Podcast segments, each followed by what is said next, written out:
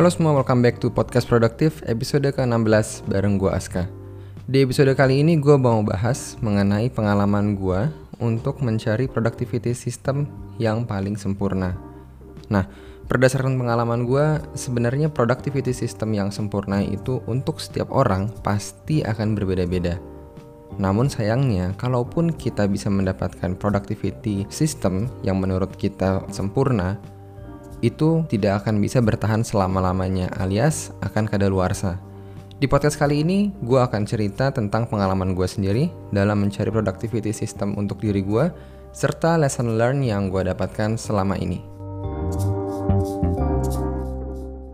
Oke teman-teman, seperti yang pernah gue share di salah satu podcast gue sebelumnya, minat gue sendiri terhadap personal productivity sebenarnya udah ada dari sejak akhir kuliah. Lebih tepatnya sih ketika pertama kali gue mengenal Evernote. Dan sejak saat itu sampai sekarang gue masih menggunakan Evernote untuk banyak hal. Awalnya gue berpikir, kalau gue bisa menemukan suatu productivity system yang sempurna, pasti hidup gue akan sangat menyenangkan, terstruktur, dan enak banget. Hingga masa akhir kuliah, gue merasa juga sudah menemukan cara terbaik untuk membagi waktu dan bagaimana mengelola pekerjaan atau aktivitas yang mau gue lakukan. Tentunya setelah gue kuliah, gue masuk ke dunia kerja. Dan sistem yang selama ini cocok untuk kuliah ternyata tidak applicable lagi. Salah satu feedback yang gue dapat dari bos gue saat itu, gue harus belajar membagi waktu dan mencatat pekerjaan-pekerjaan yang ada. Hal ini tentunya kontradiktif dengan apa yang gue merasa udah bisa. Tapi gue setuju sebenarnya dengan apa yang disampaikan oleh bos gue itu. Melihat apa yang berjalan saat itu, semasa kuliah, gue hanya beraktivitas katakanlah 4 paling 6 jam yang gue benar-benar harus fokus. Begitu gue masuk ke dunia kerja, di mana gue bekerja di salah satu consulting firm, gue bisa bekerja dari jam 9 pagi sampai jam 9 malam atau bahkan lebih setiap harinya. Tentunya kompleksitas pekerjaannya juga beda. Dan pasti perlu ada adjustment yang dilakukan. Bahkan selama gue bekerja di consulting ini pun, apa yang relevan atau cocok di project pertama belum tentu relevan di project selanjutnya. Setelah itu gue pindah bekerja di salah satu bank di Indonesia. Dan lagi-lagi sistem yang gue merasa udah cocok ketika gue bekerja sebagai konsultan itu harus gue adjust lagi. Dan selama hampir tiga tahun gue udah bekerja di bank, selalu ada perubahan yang harus gue sesuaikan di productivity system gue. Jadi ya, hal yang bisa gue pelajari sejauh ini, kita bisa aja mencari productivity system terbaik untuk pekerjaan yang kita lakukan atau untuk kehidupan kita di suatu waktu. Tapi apa yang cocok untuk saat ini belum tentu akan sempurna untuk selama-lamanya. Intinya kalau kita mencari productivity system yang sempurna itu tidak akan ada habis-habisnya. Alasannya karena ya dinamika hidup kita juga pasti akan berubah kan. Dan ini bukan hanya sekedar di pekerjaan tapi juga di kehidupan personal kita. Nah, Pertanyaan selanjutnya, bila tidak akan ada productivity system yang sempurna dan permanen, haruskah kita berhenti untuk explore productivity system yang cocok dan tepat untuk diri kita? Well, gue yakin teman-teman juga pasti udah tahu jawabannya. Tapi gue memulai dari definisi dulu. Menurut gue pribadi, definisi dari productivity system adalah suatu prosedur yang membantu kita untuk menyelesaikan tugas-tugas yang ada. Jadi tidak peduli sebenarnya detail step by stepnya, kalau kita punya suatu cara yang biasa kita lakukan untuk menyelesaikan tugas dan aktivitas kita, maka sebenarnya itulah productivity system kita. Maka dengan kata lain, setiap orang, baik disadari maupun tidak, sebenarnya sudah memiliki productivity system masing-masing. Masalah itu efektif atau tidak, atau efisien atau tidak, beda cerita ya. Satu hal yang menarik, menurut gue juga perkembangan teknologi saat ini menjadi faktor yang memicu productivity industri berkembang. Oke, gue cerita sedikit. Jadi menurut pandangan gue, smartphone itu menjadi suatu alat yang menjanjikan seseorang untuk menjadi lebih pintar dan quote-unquote produktif. Tidak heran kalau aplikasi productivity itu berkembang dengan sangat banyak. Banyak banget tools atau aplikasi yang tujuannya mendorong orang untuk lebih produktif. Dan ini tentunya akan membuat kita jadi penasaran nih, apa itu personal productivity, termasuk gue sendiri. Dan tidak heran industri seperti ini berkembang.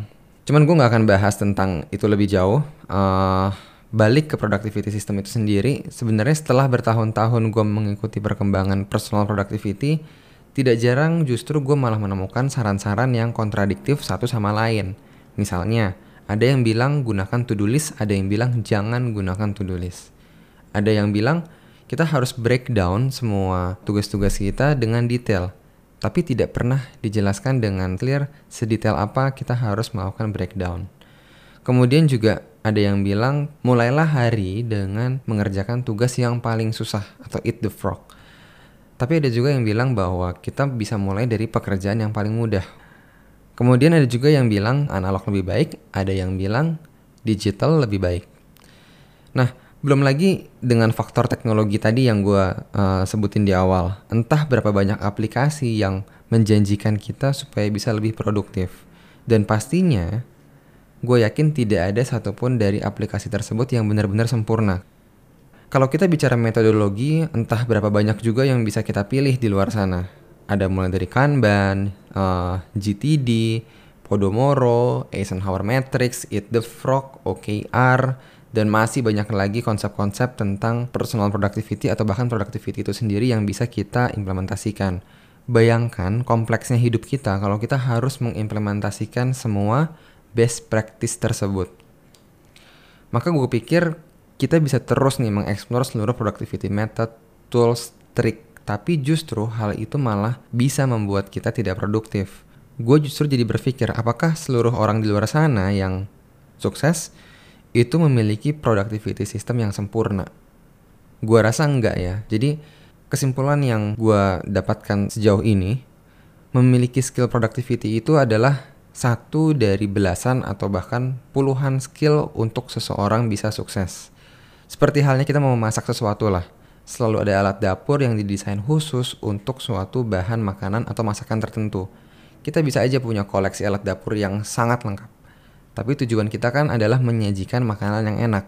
Nah, alat-alat dapur tadi tetap hanya alat bantu yang akan menentukan enak tidaknya masakan kita. Artinya, productivity skills, productivity tools, productivity method, apa pun itu hanya alat bantu yang membuat kita menjadi sukses di profesi atau di pekerjaan yang kita lakukan atau bahkan di hidup kita secara general. Maka memiliki productivity system yang baik tidak otomatis membuat kita menjadi seseorang yang produktif. Gue yakin ada juga orang-orang yang produktif tapi tidak pernah benar-benar memikirkan productivity system mereka. Ada beberapa key takeaway yang gue dapatkan sampai saat ini ya. Yang pertama, semua itu tergantung dari tujuan hidup dan prioritas kita yang mau kita ambil. Mungkin penting untuk mendefinisikan apa itu sukses untuk diri kita. Kemudian kita bisa mulai memikirkan langkah yang akan kita ambil dan mengimplementasikan productivity system yang sesuai. Yang kedua, lebih fleksibel dalam memilih dan mengimplementasikan productivity system yang mau kita gunakan. Tidak perlu kita buat aturan yang terlalu rigid dan limitasi yang berlebihan yang ujung-ujungnya malah menyusahkan kita sendiri. Cukup membuat prinsip aja untuk diri kita. Yang ketiga, evaluasi secara berkala tujuan hidup dan juga prioritas hidup kita. Sebelum kita mengevaluasi productivity system atau productivity level kita. Ingat, productivity system itu hanya sebagai alat untuk mencapai tujuan hidup kita, bukan sebaliknya tujuan hidup kita didikte oleh productivity system yang mau kita implementasikan dengan harapan kita menjadi lebih baik. Pendekatan gue sendiri secara pribadi saat ini adalah dengan memiliki beberapa prioritas utama lah ya. Jadi pada saat awal kerja dulu gue merasa bahwa prioritas gue adalah bagaimana gue bisa belajar dan bekerja sebaik-baiknya. Bahkan lebih dari keluarga gue waktu itu. Setelah gue memiliki anak seperti sekarang, gue menikah, keluarga menjadi prioritas yang lebih utama. Artinya ada perubahan di situ. Tapi walaupun keluarga menjadi prioritas, bukan berarti segala sesuatu itu tidak bisa dikompromikan. Prioritas dalam jangka panjang belum tentu prioritas dalam jangka pendek, sehingga bila ada timeline prioritas yang jelas, maka ini akan lebih baik.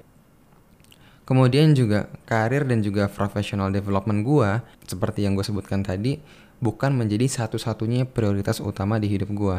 Tapi gue merasa itu tetap menjadi aspek yang kritikal. Karena bagaimanapun juga keberhasilan kita di pekerjaan secara tidak langsung akan berpengaruh terhadap diri kita sendiri dan juga orang-orang terdekat kita terutama keluarga kita. Nah, setelah memahami prioritas tadi, gue juga bisa melihat secara holistik output apa yang terbaik yang gue butuhkan untuk suatu waktu. Barulah gue menyesuaikan productivity system yang mau gue gunakan, bukan sebaliknya ya. Dan terakhir, seandainya pun gue merasa udah mendapatkan productivity system yang cocok banget nih, yang sempurna, belum tentu itu akan applicable untuk tahun depan atau bahkan bulan depan. Jadi pasti akan ada satu waktu di mana gue membuat keputusan yang tidak optimal dan saat itulah mungkin gue harus merevisit lagi productivity system yang gue gunakan. Akhirnya balik ke pertanyaan gue tadi, haruskah kita berhenti explore productivity system untuk diri kita?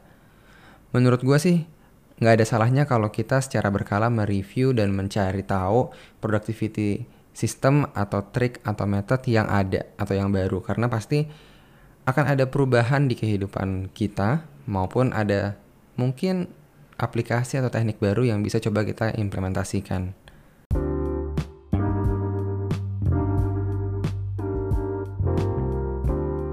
Jadi kesimpulannya productivity system yang sempurna itu bisa kita dapatkan. Tapi apakah itu akan relevan untuk selama-lamanya? Jelas enggak. Nah, dibandingkan dengan kita menghabiskan waktu untuk mencari metode, aplikasi, trik productivity yang sempurna, sebaiknya kita fokus pada prioritas yang ada, fokus pada tugas-tugas yang harus kita lakukan saat ini. Ada satu quote di artikel yang gue baca di internet. Uh, you can follow every single time management trick in the book, but none of it will matter if you're not working on the right things. Dengan kata lain, fokuslah menyelesaikan apa yang penting di hidup kita. So itu aja yang bisa gue share di podcast kali ini. Semoga bisa bermanfaat untuk kalian semua. See you di podcast selanjutnya.